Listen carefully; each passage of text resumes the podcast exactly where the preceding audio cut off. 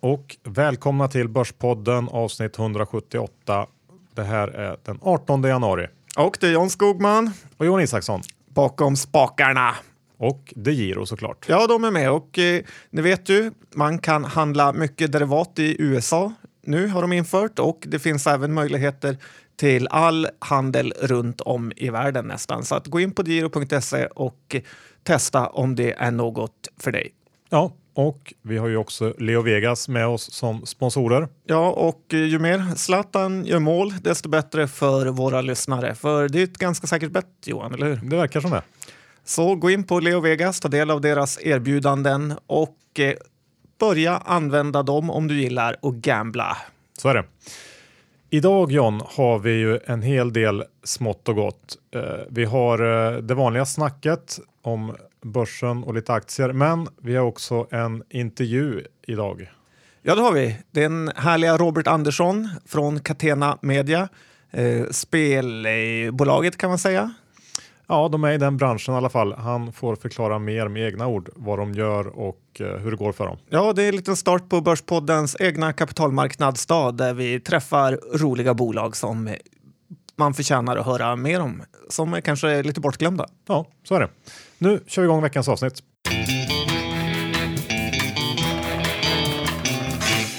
Johan Dr. Bass Isaksson, det vill sig inte för börsen. Den står och stampar. Eh, dollarn har fallit tillbaka också. Kan du förklara? Nej, jag vet inte. Det, den hade gått upp väldigt, väldigt mycket, just dollarn då, efter Trump. Trump-vinsten där och eh, ja, det kanske blev lite mycket helt enkelt. Sen så har väl Trump varit ute och snackat ner dollarn också eller försökt. Eh, så vi får se vart det tar vägen. Eh, men generellt så står vi ju eh, inför rapportperioden också. Den kör ju igång här väldigt snart, nästa vecka. Ja, storbankerna i USA har ju redan varit ute, eller investmentbankerna har rapporterat. Morgan Stanley och så vidare. Ja, i USA körde det väl igång lite tidigare, men i, i Sverige sätter det väl igång på riktigt nästa vecka. Och det blir spännande som vanligt såklart.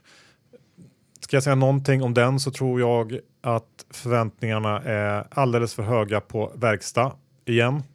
Atlas, Sandvik, Volvo är några exempel på stora verkstadsbolag som ju har rusat det senaste halvåret och som nu värderas extremt högt tycker jag i alla fall. Ja, de är uppe på samma nivåer som de var under den galna våren 2015. Ja, och vi vet hur det gick. Ja, det gick inte så bra, men nu är de där igen. Ja, men vi får se. Eh, det kanske inte avgörs det här kvartalet, men uh, utsikterna blir nog viktiga att läsa igenom både en och två gånger tror jag. För i år så måste det ju hända lite grejer på både efterfrågan och resultat där. Men vi får se. Eh, John, det är ju även eh, dags för Trump att bli president på riktigt. Ja, imorgon ska Donald G. Trump sväras in och ta över staterna. Det här brukar vara mer av en formalitet, men eh, nu känns det faktiskt rätt spännande.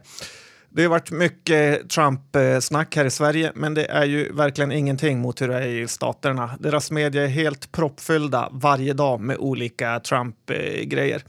Det som blivit väldigt, väldigt stort där borta är ju den här Buzzfeed-artikeln som påstår att eh, Donald varit med i olika golden shower sexorger i Ryssland och att eh, ryssarna har det på film och kommer använda det som påtryckningar. Och för inte er som vet vad golden shower eh, betyder, Johan, kan du berätta vad det är? Nej, helst inte. Ja, men det är att man pissar på varann, rätt eh, sjukt och vore ännu sjukare att se USAs eh, president göra det. Eh, men media i USA verkligen hatar Mr Trump och eh, i olika sådana här eh, nyhetsshower och talkshows så förgör de honom varje dag. Och det känns verkligen som att den här närmsta tiden kommer bli väldigt rolig att följa. Ja, det ska bli väldigt, väldigt spännande. Jag håller med.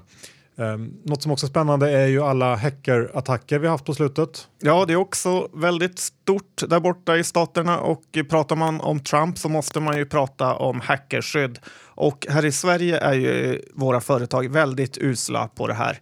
Eh, och jag tycker också man kanske borde omklassificera de här vissa hackerattackerna från någon typ av dataintrång till ekonomisk eh, brottslighet. Till exempel så låg ju Pizza Online nere eh, stora delar av nyårsdagen, den sajten, och det blir enorma förluster för dem då.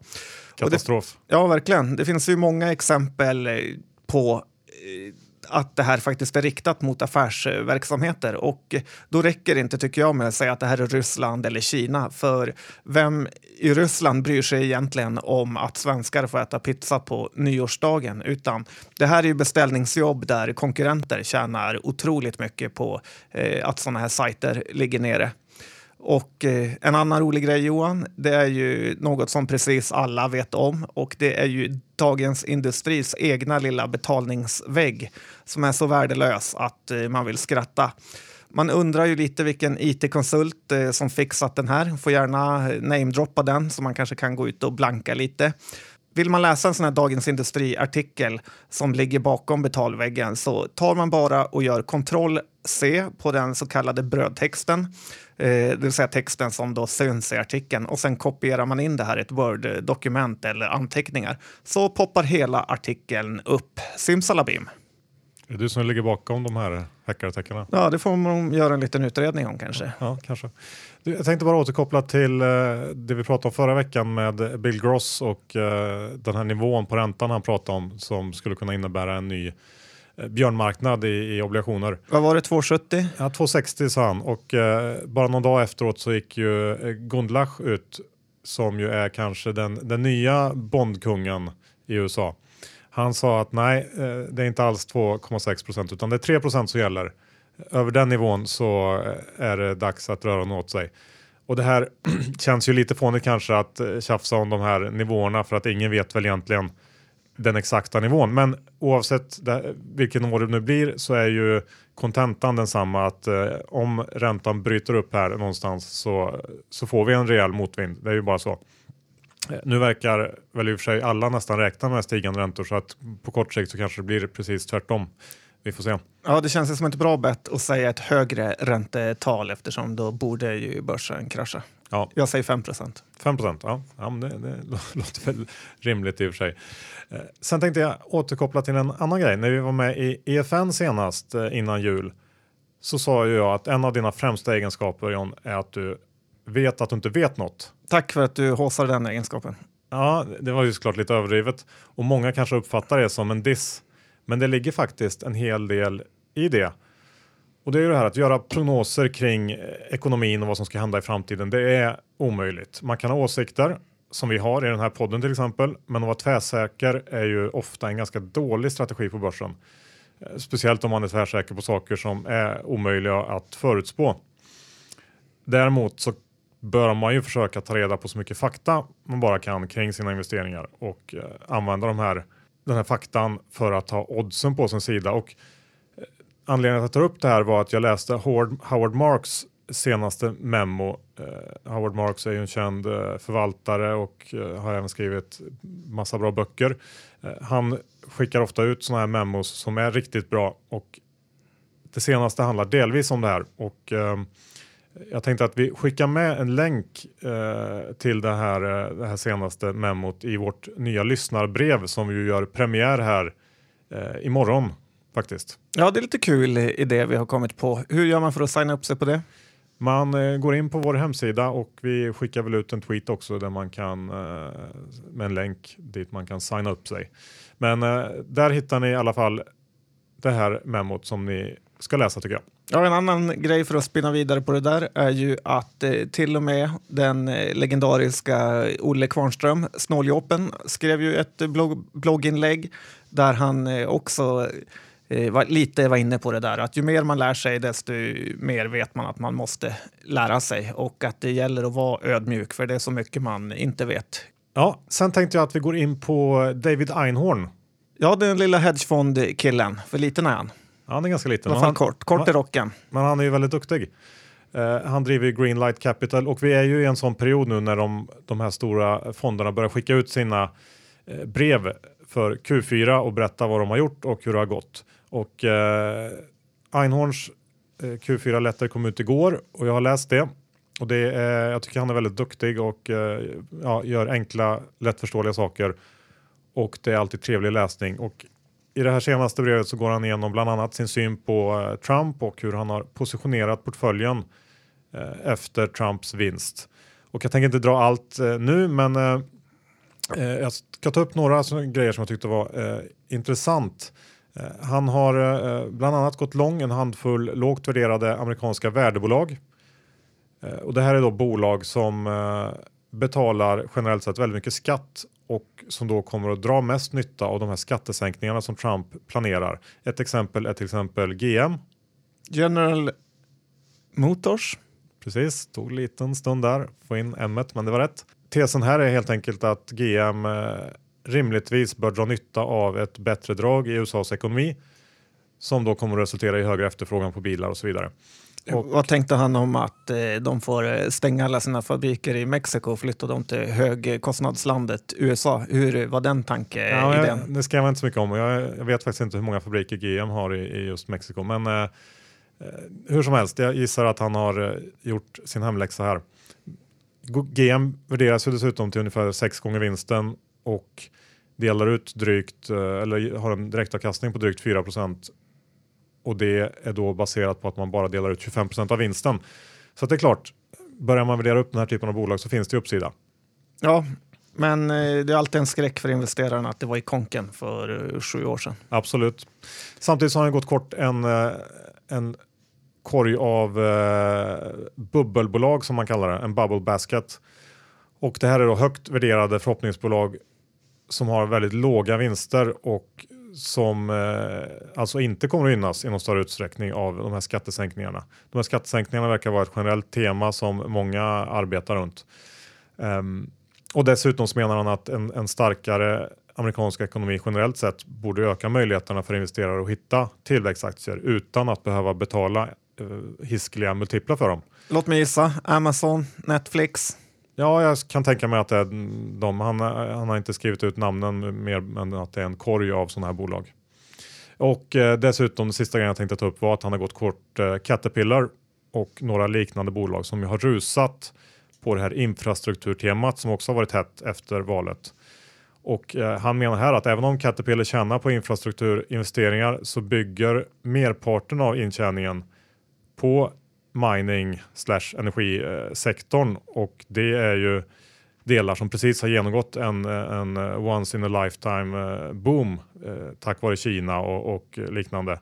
Och samtidigt så har nya teknologiska framsteg minskat kostnaderna för att borra och bryta i gruvor. Så att Caterpillar på P33 på innevarande eller kommande års prognoser är ju inte ett fynd det håller jag med om och eh, det här påminner tycker jag på många sätt om situationen i svensk eh, verkstad. Ja, Sandvik, Volvo, Atlas eh, kanske också borde vara en korg man ger sig på blanka. Kanske.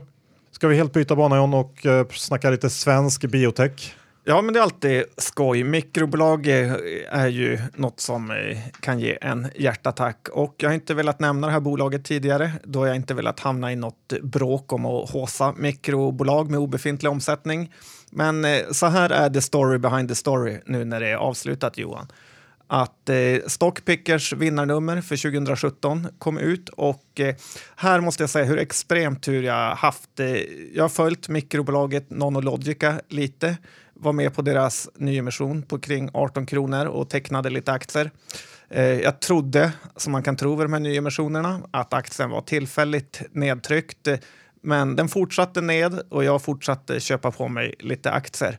Och eh, från att det här var en liten minitrade så hade jag lyckats köpa på mig aktier så jag ägde ungefär 1 av det här bolaget.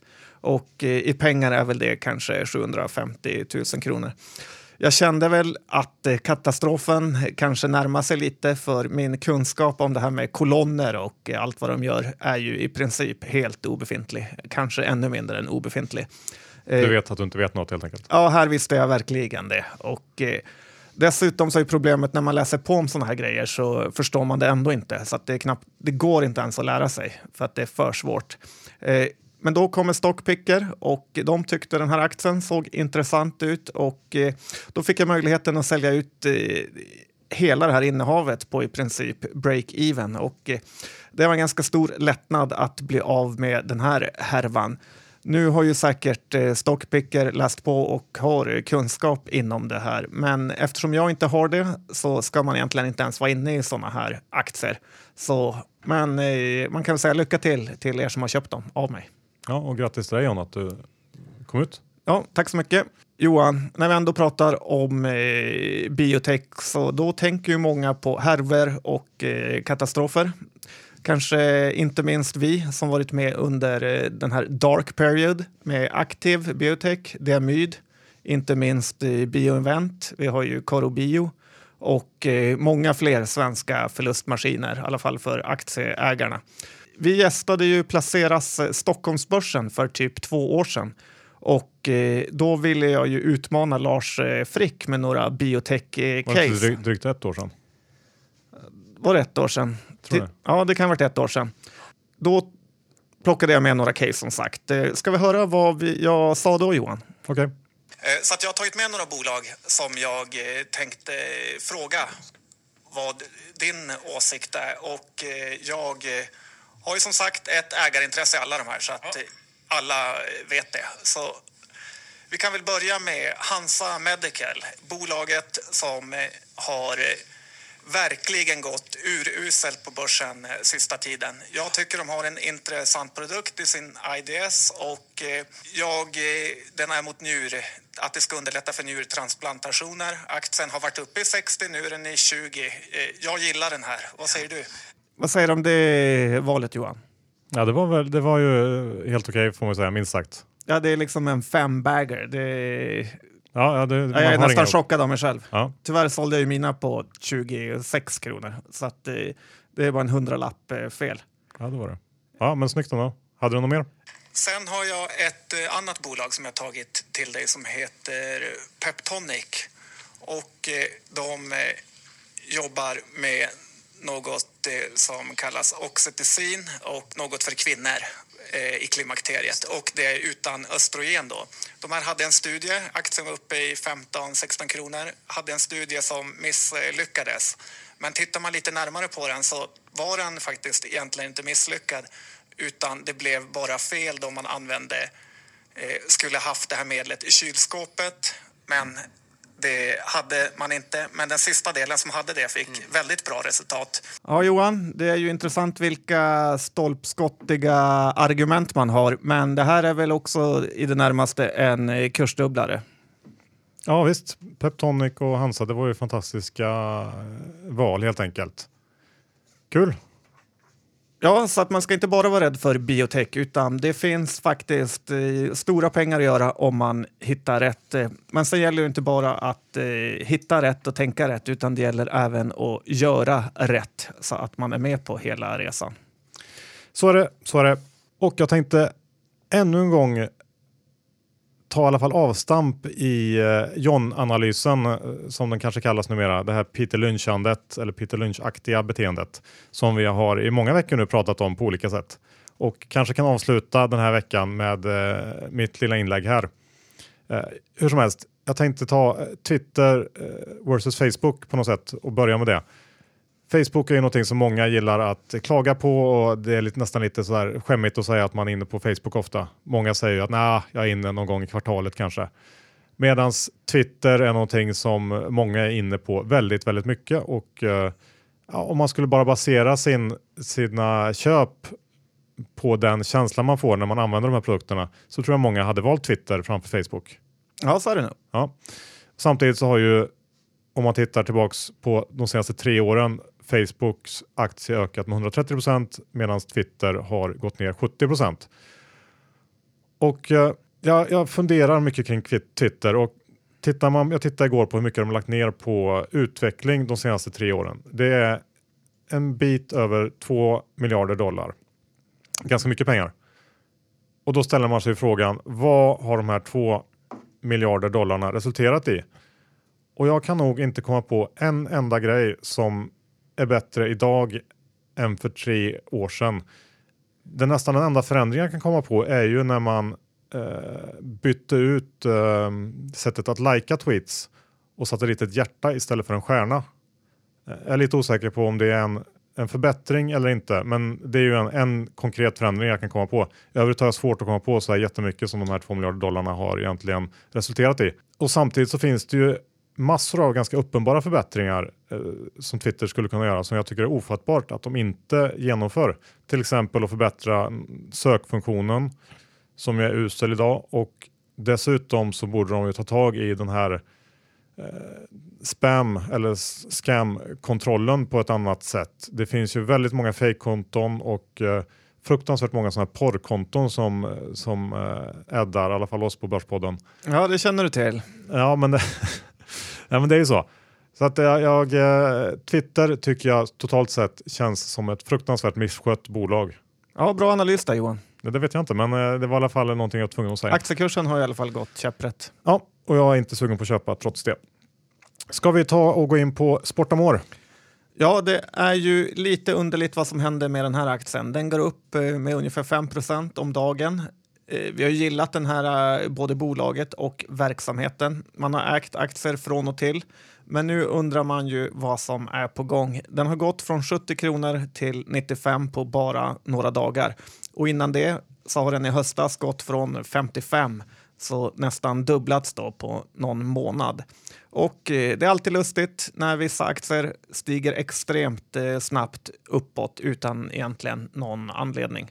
Så håll utkik på Sportamor. Yes.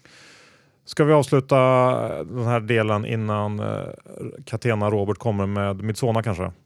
Ja, säg Catena Media, för annars kanske man tror att det är Catena Robert på fastighetsbolaget. Okej, okay. mm, fel. Säg det då. Catena Media med vd Robert. Men Midsona först nu. Ja, det är ju ett bolag som vi snackat eh, mycket om och eftersom de har så mycket konsumentprodukter är det väldigt kul att eh, testa deras produkter. De har ju förvärvat mycket de senaste åren och eh, jag är lite tveksam om de verkligen är rätt ute här. De har köpt eh, Örtekvarm, ett danskt bolag och sen Kung Markatta. Och jag tycker de här förvärven överlappar varandra väldigt mycket. Båda gör ekologiska produkter som sylt, eh, jordnötssmör med mera. Kung Markattas miniburk lingonsylt kostar 39 kronor. Och eh, jag undrar ju om det verkligen finns en marknad för en sån här produkt. Sen är det ofta låga marginaler på ekologiska produkter på grund av hållbarhetstider, då dyra inköp och eh, även då konkurrensen från de här billigare produkterna. Deras eh, lysande stjärna, eh, Midson alltså, Friggs som gör de här riskakorna, majskakorna och teer tycker jag att man ser mer och mer av på olika produkthyllor. Så att, eh, det ska bli väldigt eh, spännande att se vad Midsonas Q4 levererar. Q3 var ju lite av en besvikelse. Ja, jag såg att du, du la upp en bild på det här jordnötssmöret va? Eh, och tyckte att det var konstigt. Men jag, jag, vet inte om jag håller riktigt med dig. Det var ju som någon på Twitter kommenterade där att eh, Eh, det är väl som att jämföra med Cloetta till exempel som har flera olika märken av choklad. Är, är det så mycket konstigare än så? Man vill ju bara ha eh, hyllan helt enkelt. Alltså det är ju en poäng, men det finns så ofattbart eh, stort utval, urval av olika jordnötssmör och eh, eh, frågan är ju om man kommer upp i någon volym på det här. Eh, jag, jag är tveksam, men det är klart det kan vara rätt och då är det köpläge. Som sagt, man ska hålla utkik på Q4. Ja, vi får se. Nu är det faktiskt dags för vår eh, väldigt trevliga pratstund med Catena Medias vd Robert Andersson. Och eh, som sagt, det här lyssnarbrevet som vi eh, kommer dra igång den här veckan. I det så kommer vi även eh, skicka med en presentation, deras senaste presentation där det finns mer eh, mer info och kan framförallt mer info på den finansiella sidan för den som är intresserad av det. Så att eh, kika på den om ni vill, eh, vill gott, grotta ner er ännu mer i Catena Media. Men eh, ja, det är väl inte så mycket mer att säga John. Nej, välkommen till vår första gäst på Börspodden Kapitalmarknadsdag.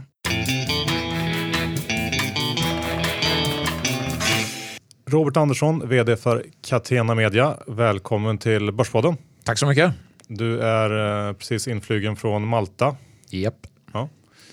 För där eh, bor du vanligtvis? Ja, bor där sedan två år tillbaka. Sen började jag jobba på uh, Catena då, i stort sett. Ja.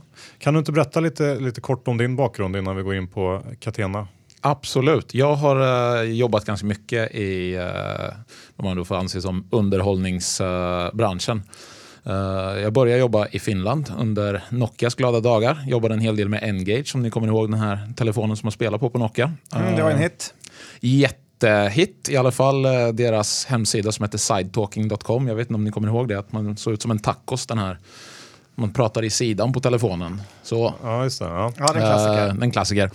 Uh, sen efter det så jobbade jag på en startup i Finland i två och ett halvt år också som heter Solakia och Habbo Hotel. Uh, som jobbade med uh, en underhållningsprodukt, ett uh, 2,5D community helt enkelt.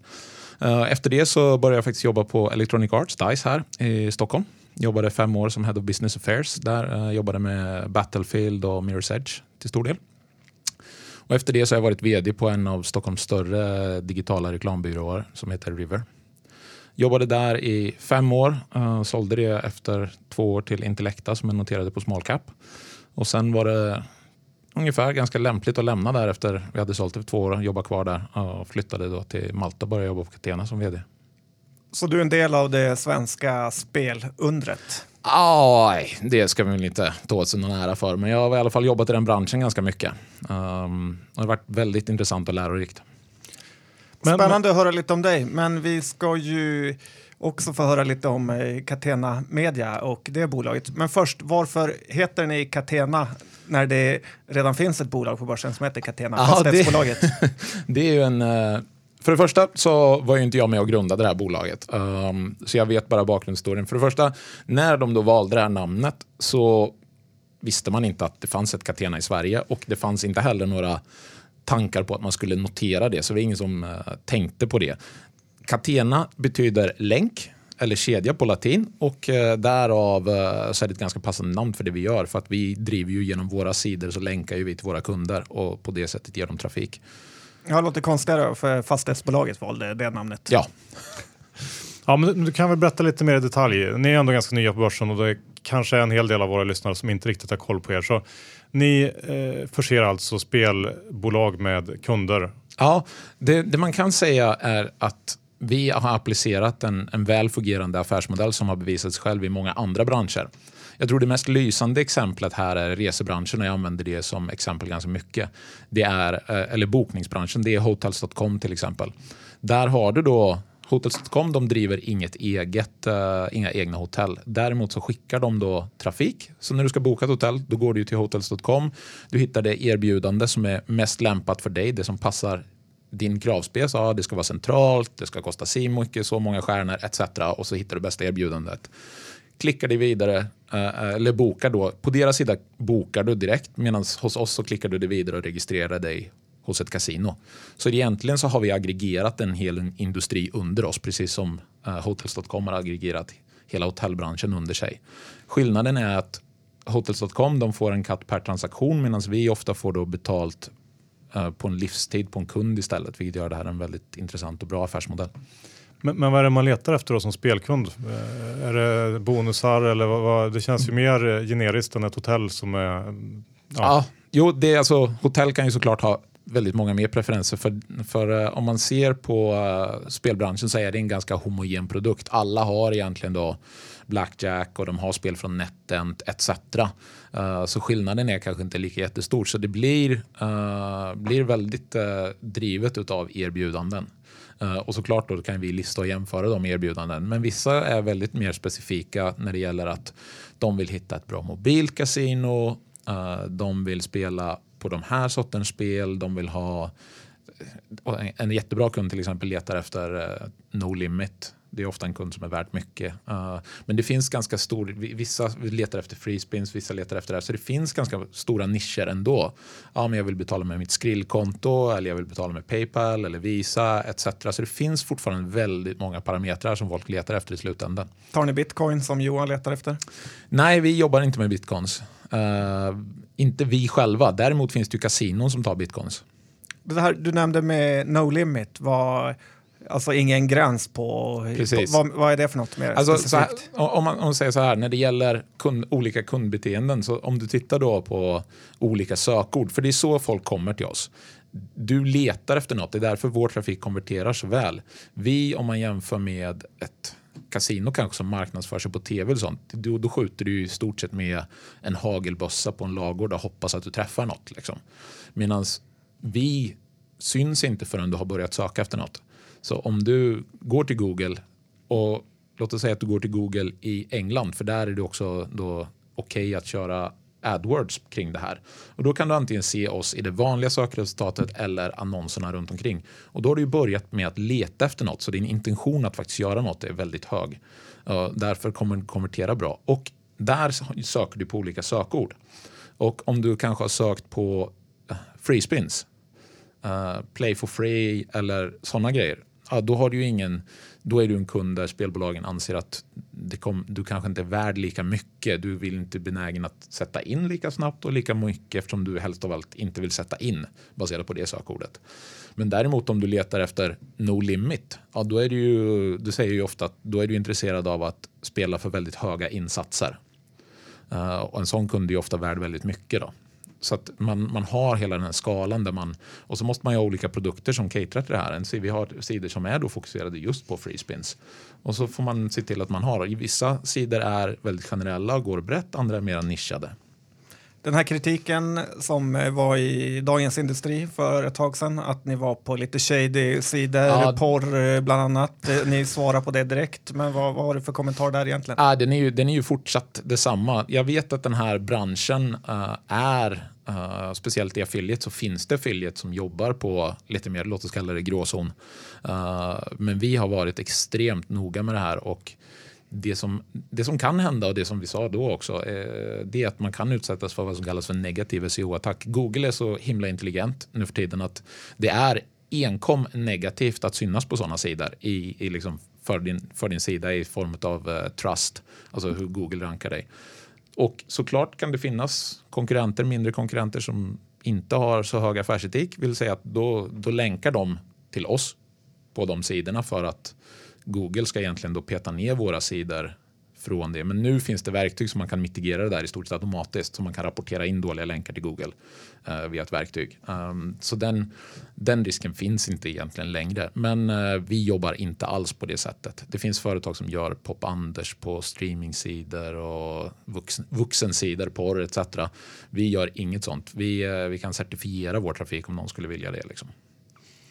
Du, du, var inne på det lite snabbt nyss, det här med att man i till exempel England och andra kanske reglerade marknader mm. kan, kan annonsera eh, via Google AdWords. Mm. Hur, hur, har det påverkat branschen och hur kommer det påverka branschen jämfört med mer att, organisk? Eh, alltså, vi, vi tycker England är ju vår favoritmarknad uh, i och med att vi kan göra PPC och båda, vi kan applicera båda våra affärsområden där. Vi har ju ett affärsområde som är paid media samtidigt som vi har då search. Och båda funkar och kompletterar varandra väldigt väl. Och just nu kan vi ju inte jobba med eh, paid här i Sverige. Och den stora skillnaden är att om man ska göra en bra sida som rankar väl i Google och göra det med låg risk så att det finns en ordentlig sustainability i den, det vill säga att du inte är känslig för olika algoritmuppdateringar etc.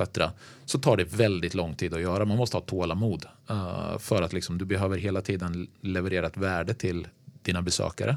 Du måste ha kvalitetscontent uh, och du måste liksom hela tiden underhålla det här.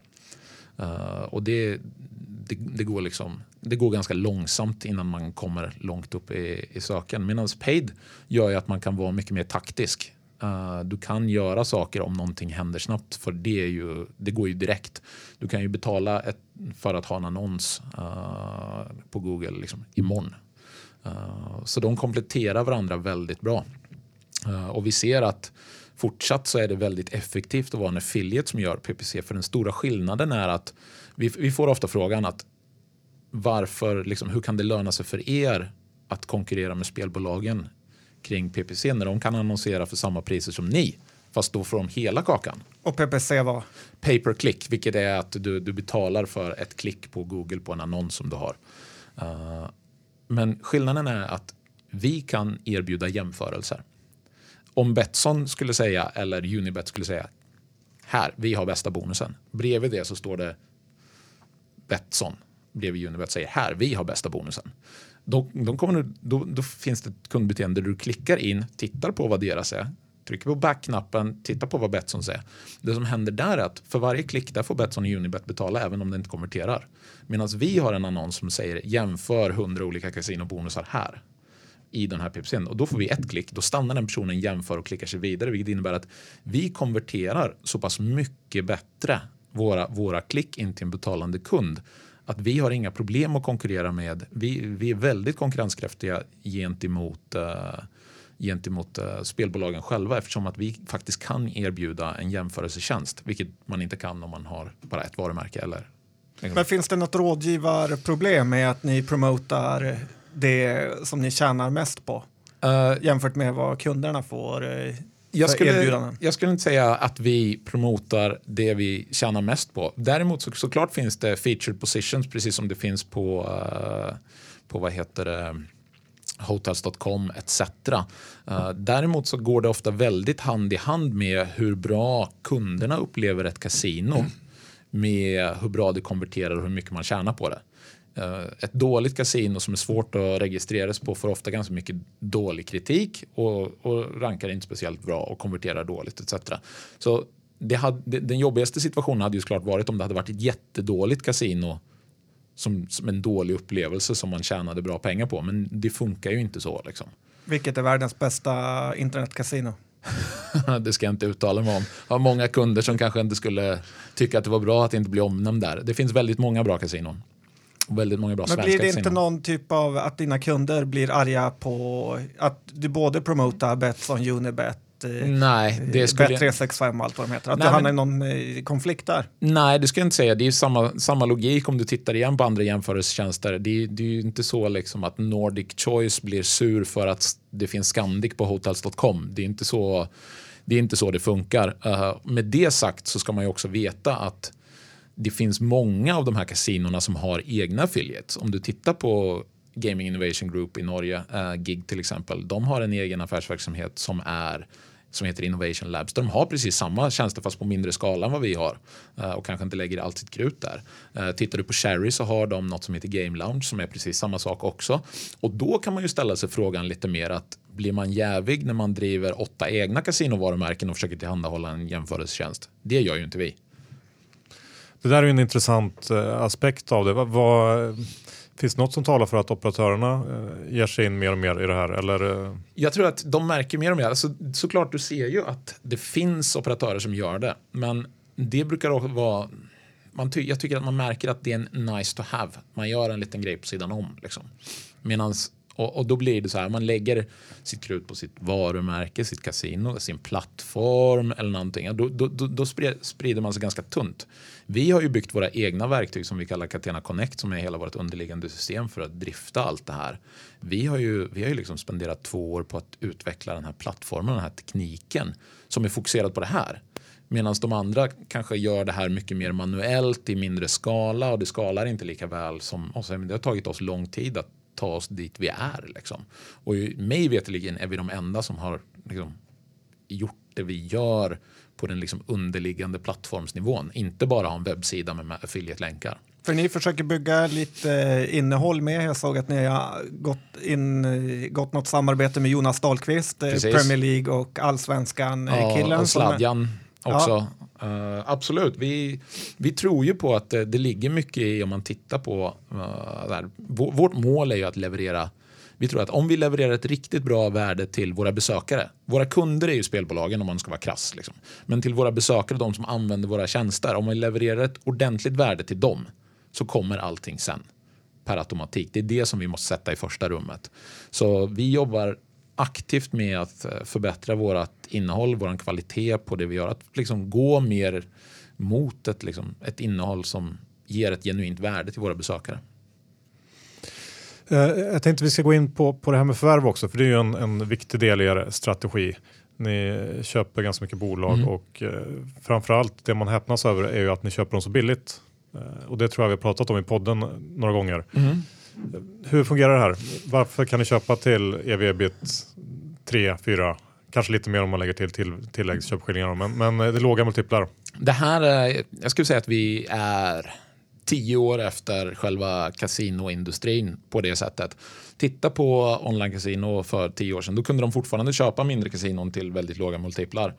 Uh, vi har ett first mover advantage här. Med tanke, liksom, vi är de som kanske är först att vara så publika med att köpa upp. Uh, och det, det, såklart, vi ser att det kommer komma liksom närmsta året någon sorts form av multipelkryp här. Uh, det tror vi också. Vi tror att vi har en, ett fönster på ett till två år med att ha sådana här attraktiva multiplar som vi ändå har. Uh, men med det, liksom, det är fortfarande väldigt bra assets som vi köper men de som säljer det här är ofta mindre, mindre bolag med kanske fyra, fem killar, kanske några, några frilansare etc. Och för dem, oavsett, så blir det här väldigt mycket pengar. Om du kommer till liksom fyra stycken 25-åringar och så lägger du 50 miljoner kronor på bordet så är det liksom väldigt, väldigt bra betalt för dem. Uh, jag tror att den stora anledningen till att det går att köpa till de här multiplarna är för att det är en så pass fragmenterad bransch och vi leder konsolidering av det här och ju mer det konsolideras ju högre kommer multiplarna bli. Liksom. Men hur lätt är det att göra bort sig då? För att jag antar att det kan vara någon typ av internetskal man nästan eh, kan bli lurad att köpa. Alltså det är, jag skulle säga förvånansvärt svårt att göra bort sig om man vet vad man gör. Vi har egenutvecklade verktyg, man kan bedöma liksom graden av risk väldigt, väldigt väl. Och om du köper också ett bolag som har varit på revenue share under 4-5 år. Eh, då har du ju en uppbyggd databas liksom, som också kommer med det här köpet som gör att liksom, det finns ett substansvärde i, i köpet redan med de här kanske 50 000 redan skapade spelarna som också kommer med som fortsätter generera intäkt som vi då blir våra spelare. Uh, och sen såklart så kan vi bedöma plattformen. Eh, går den här, det är en, ett sånt kriterium när vi tittar. Är liksom, kan vi integrera det här enkelt i våra system? Hur är det byggt? Liksom? Uh, vad finns det? Vad är typen av liksom, varför har det här bolaget tjänat de här pengarna? Hur, hur, hur mycket risk har man tagit för att synas väl i Google? Det finns ju det finns ju genvägar att ta sådana här som de kallar då för black hat metoder som man inte ska göra enligt Google och sånt som inte vi gör. Men om man har gjort det. Vad är det för något? Det, alltså man, kan ju, man kan ju ta genvägar för att rankas högt i Google. Berätta om en black hat. Jag kan tyvärr inte black hat. det får man fråga experter om. Uh, men det är liksom sånt som går utanför vad Google anser sig vara skäliga kriterier för att ranka. Och Google blir bättre och bättre. Det, det är det som de gör när de gör de här uppdateringarna när man släpper de här Penguin etc. Då, när man ändrar, då ämnar de ju städa bort oseriösa aktörer. Jag brukar jämföra det med att det är ganska bra för det brukar, det brukar ta bort om man jämför det med taxi så är det så liksom polisen gör en razzia, razzia mot alla svarttaxis. Ja, det är jättebra för Taxi Stockholm om man är Taxi Stockholm, vilket jag skulle då säga att vi är. Um, så att uh, om man då ser att de har använt, att, att de har försökt, många handlar om att få så mycket länkar som möjligt och det kan man ju såklart springa ut och kanske då ha någon länkfarm i Pakistan som ser till att posta massa tusentals länkar till sin sida på massa olika sidor. Liksom. Mm, Men det, okay. det upptäcker ju Google väldigt snabbt nu för tiden. Uh, och det är väl Black Hat, en del av det. Uh, och vi har ju verktyg som gör att man kan se allt sånt här. Så att de uppköpen som vi har gjort har varit väldigt lyckade. Jag är väldigt nöjd med allihopa, måste jag säga. Är man säker på att få betalt från kunderna att man kanske har en deal med ett asiatiskt eh, spelbolag. Ja, men det är, är man också... säker på att de skickar, eh, betalar fakturorna man skickar? Uh, alltså där måste man ju också vara smart. Vi är ju så pass stora nu. Vi är över, jag fick siffran igår, vi är 207 anställda nu. Så att, såklart, är man, är man 7-8 pers och jobbar med allt och alla och liksom inte har Menar, vi har en stor finansavdelning. Vi har bra koll på liksom, faktura, inbetalningar etc såklart om man, om man är några stycken och bara så här, ja, vi provar att jobba med det här kasinot, då kanske det inte liksom funkar. Är det något kasino som vi är osäkra på, då jobbar inte vi på RevShare. Då, vill vi ha, då, då tar vi liksom CPA, vilket är då en upfront betalning på eh, användaren istället. Uh, såklart så ser man ju mindre kasinon som går omkull, men de, de, de är ju en väldigt, väldigt, väldigt liten del av liksom, omsättningen. Lukrativ bransch helt enkelt. Det här obligationslånet ni gjorde på 500 miljoner kronor. Ja, eller 50 miljoner euro om man ska vara noga då. Det stiger ju varje dag som Ingves i, i, med ledartröjan. Så vad ska ni göra för de här pengarna? Alltså, vi har ju redan spenderat en del av dem. Då. Uh, som ni kanske såg så gick vi in i USA med ett någorlunda stort förvärv som uh, vi faktiskt uh, har closing på idag. Som vi, de integreras i bolaget från och med idag. och det är ju det är jättespännande. Uh, där är vi nu mer den största reglerade affiliaten i USA. Och uh, med fokus då på New Jersey och Nevada såklart. Men intressant nog så har ju Pennsylvania kommit ut och sagt att uh, regleringen kanske händer i år, vilket vore uh, jättefördelaktigt såklart. Men om man tittar lite mer på den här förvärvsbiten, vad, mm. hur mycket finns det att köpa? Är det fortfarande många objekt? Ja, det finns fortfarande väldigt gott om det. Man springer fortfarande på saker som man inte liksom, trodde fanns. Det, alltså, det finns bolag som man aldrig hört talas om som är i storleksordningen Catena förra året. Liksom, mm. Runt om i Europa. Så att det, det finns väldigt mycket. Och, och vilka slåss ni mot dem i, i, när ni försöker köpa upp de här bolagen? Alltså, vill inte, vi har sprungit på några av konkurrenter någon gång men i och med att vi har den här bonden. Jag skulle säga att vi sprang på våra konkurrenter oftare förut. När vi köpte bolag för kanske lite par miljoner euro. Liksom. Det finns, finns det flera bolag som är inte är noterade som har råd att göra sådana uppköp också. Men i och med att vi har flyttat fram våra positioner och liksom, när man köper för 10-15 miljoner euro så har vi egentligen ingen då, då finns det ofta ingen annan som är där och liksom nosar. Vilket är väldigt bra såklart. Geografiskt, vart har ni era kunder? Uh, nu så ska jag säga att uh, England är nog vår största. Uh, såklart, vi har, bolaget har sin, sin, sin vagga här i Skandinavien men den, den delen har ju blivit mindre uh, procentuellt sett. Även om vi liksom har, har fortsatt att växa i Sverige så har det ju, vi har växt mycket snabbare i andra områden som England, och Tyskland, Belgien, Italien. Liksom. Så att den andelen, svensk, den andelen svensk, svenska intäkter och oreglerade intäkter har ju minskat. Vi, är nästan, vi har lite över 50 procent av våra intäkter är ju nu från reglerade marknader. Men hur ser vi, det här vi var inne på i början med eh, skillnaden mellan reglerade marknader och, och hur man kan annonsera där mm. jämfört med icke-reglerade. Hur, hur, hur, påverkar det eh, marginalen? Det måste ju ändå kosta lite mer. Alltså vi har ju jättebra, om man tittar på England som har varit liksom, reglerad och är väldigt mogen så har vi fortfarande bland de bättre marginalerna där. Såklart på paid media så har man ju en lägre marginal eftersom du måste betala Google för att synas på, på din paid media-del.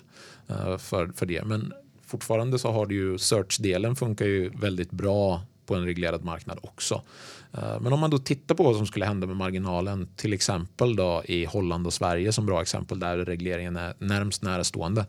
Så om man tittar på Sverige så skulle det nog förmodligen ha en uh, lätt negativ påverkan med tanke på att om man, man, man ser på svensk tv varje gång man är här och slår på tv på hotellrummet så fylls det av kasinoreklam. Eh, så det är ju svårt att, att liksom få en högre marknadsmedvetenhet i Sverige när, eh, när vad heter det, regleringen händer. Det, det kommer inte gå. Eh, så att då, då kommer det bli en skatt som läggs på vilket innebär att marginalerna kommer minska. Och den här skatten den tas före net gaming revenue. Och vi delar ju ungefär lika, vi har ungefär 45 50% i revenue share på net gaming revenue, alltså det som blir klar, kvar efter bonuskostnader, skatter, eh, pengar till netten, plattform, alltså själva nettokakan den delar vi på. Eh, så såklart blir det en och då kommer ju skatten före den så då blir det ju en marginalpåverkan. Vi delar i, i princip på kostnaden med, uh, med operatören. Det känns som väldigt bra att få 50 procent ja. för el. Hur, hur, hur kommer man fram till det där som någon slags praxis i branschen? Alltså jag vet inte om det är praxis. Jag tror att det har att göra med storlek och volym. Vi kan leverera så pass många spelare att vi kan ha högre priser. Uh, jag tror att om man tittar på standard terms and conditions så ligger det runt 35 procent kanske. Men om man, om man tänker framtiden då. Nu har ju många spelbolag varit upptagna med att köpa andra operatörer. Mm. Men på lite sikt när, när den marknaden börjar mogna allt mer. Vore det inte naturligt att man går in mer och mer på, på den här biten?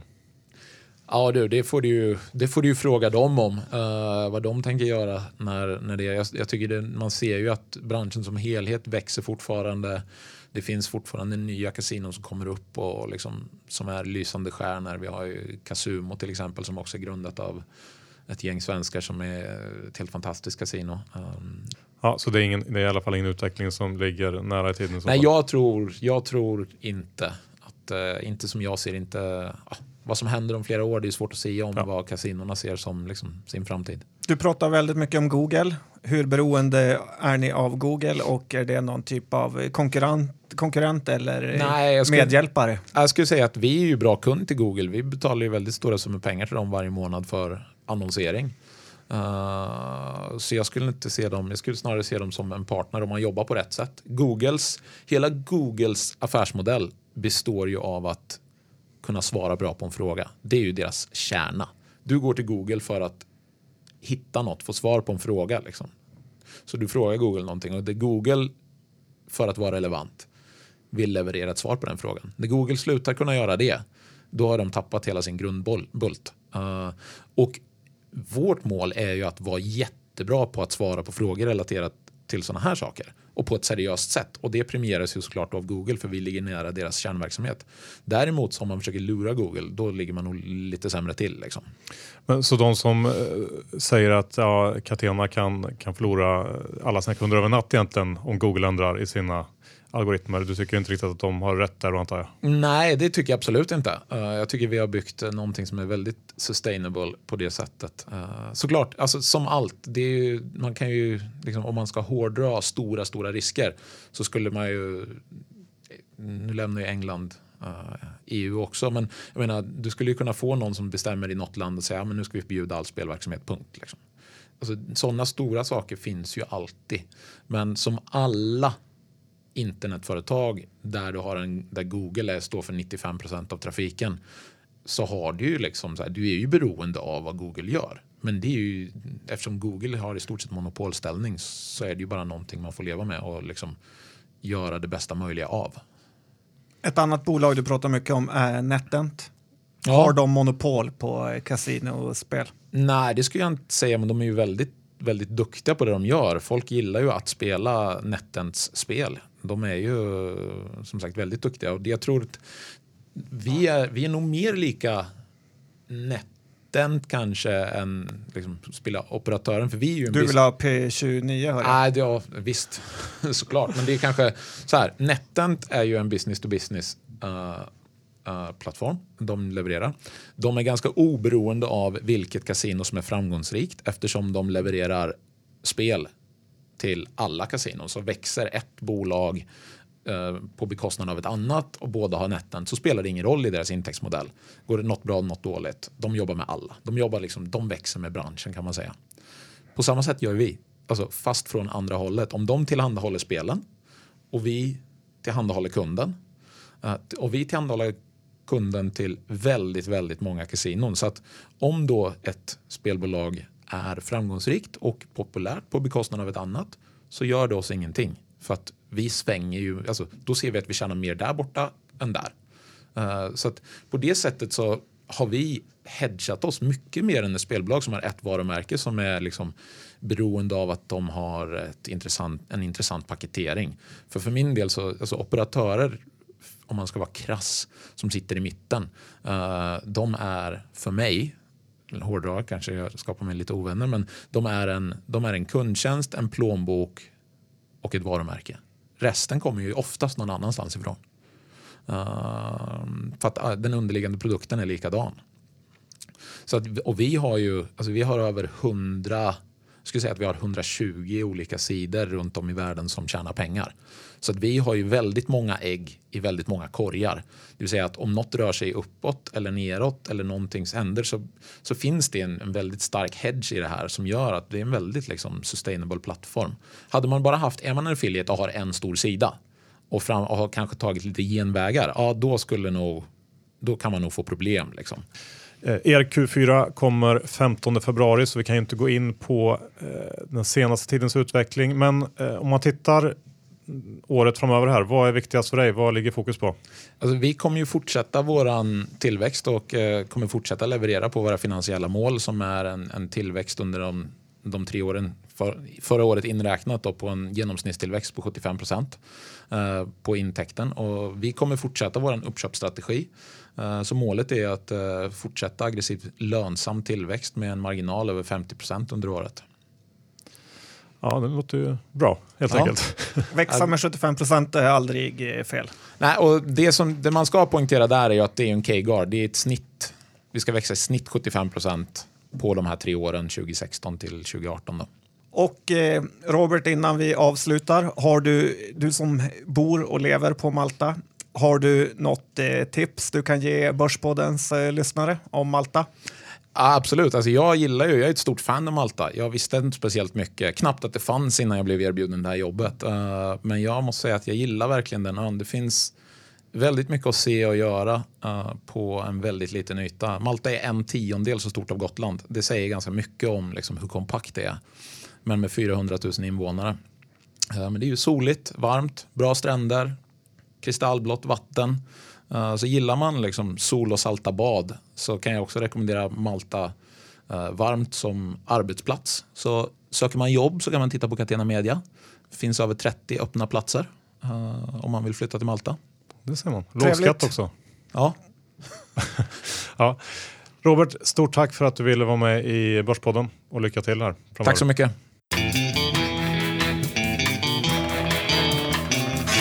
Så där ja John. Kul att få läsa lite mer om Catena. Känns ju spännande det där. Ja, det är intressant eh, bolag och nisch. Man borde varit lite snabbare med att förstå det kanske. Ja, kanske. Men eh, vem vet? Vem vet ja. Q4 kommer upp här i februari. Så är det, 15 februari. Eh, vi är sponsrade av DeGiro. Det vet ni. Vill ni trada världen, gå in på degiro.se. Gratis courtage om du har under en mille. Fem affärer om dagen. Ja. Vi är ju också sponsrade av Leo Vegas. Ja, och eh, där spelar du på mobilen väldigt bra.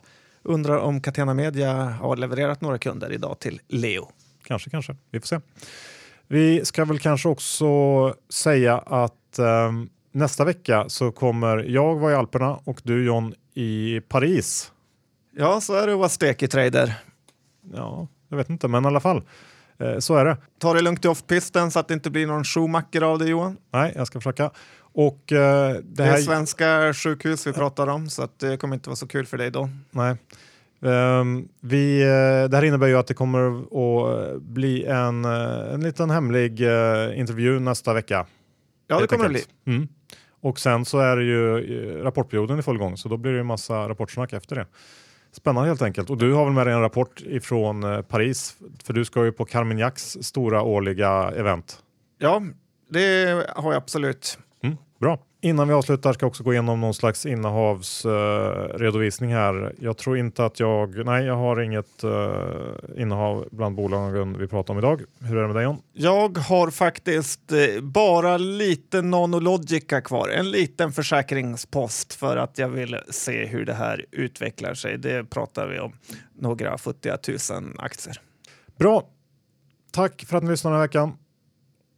Hej då! Hej!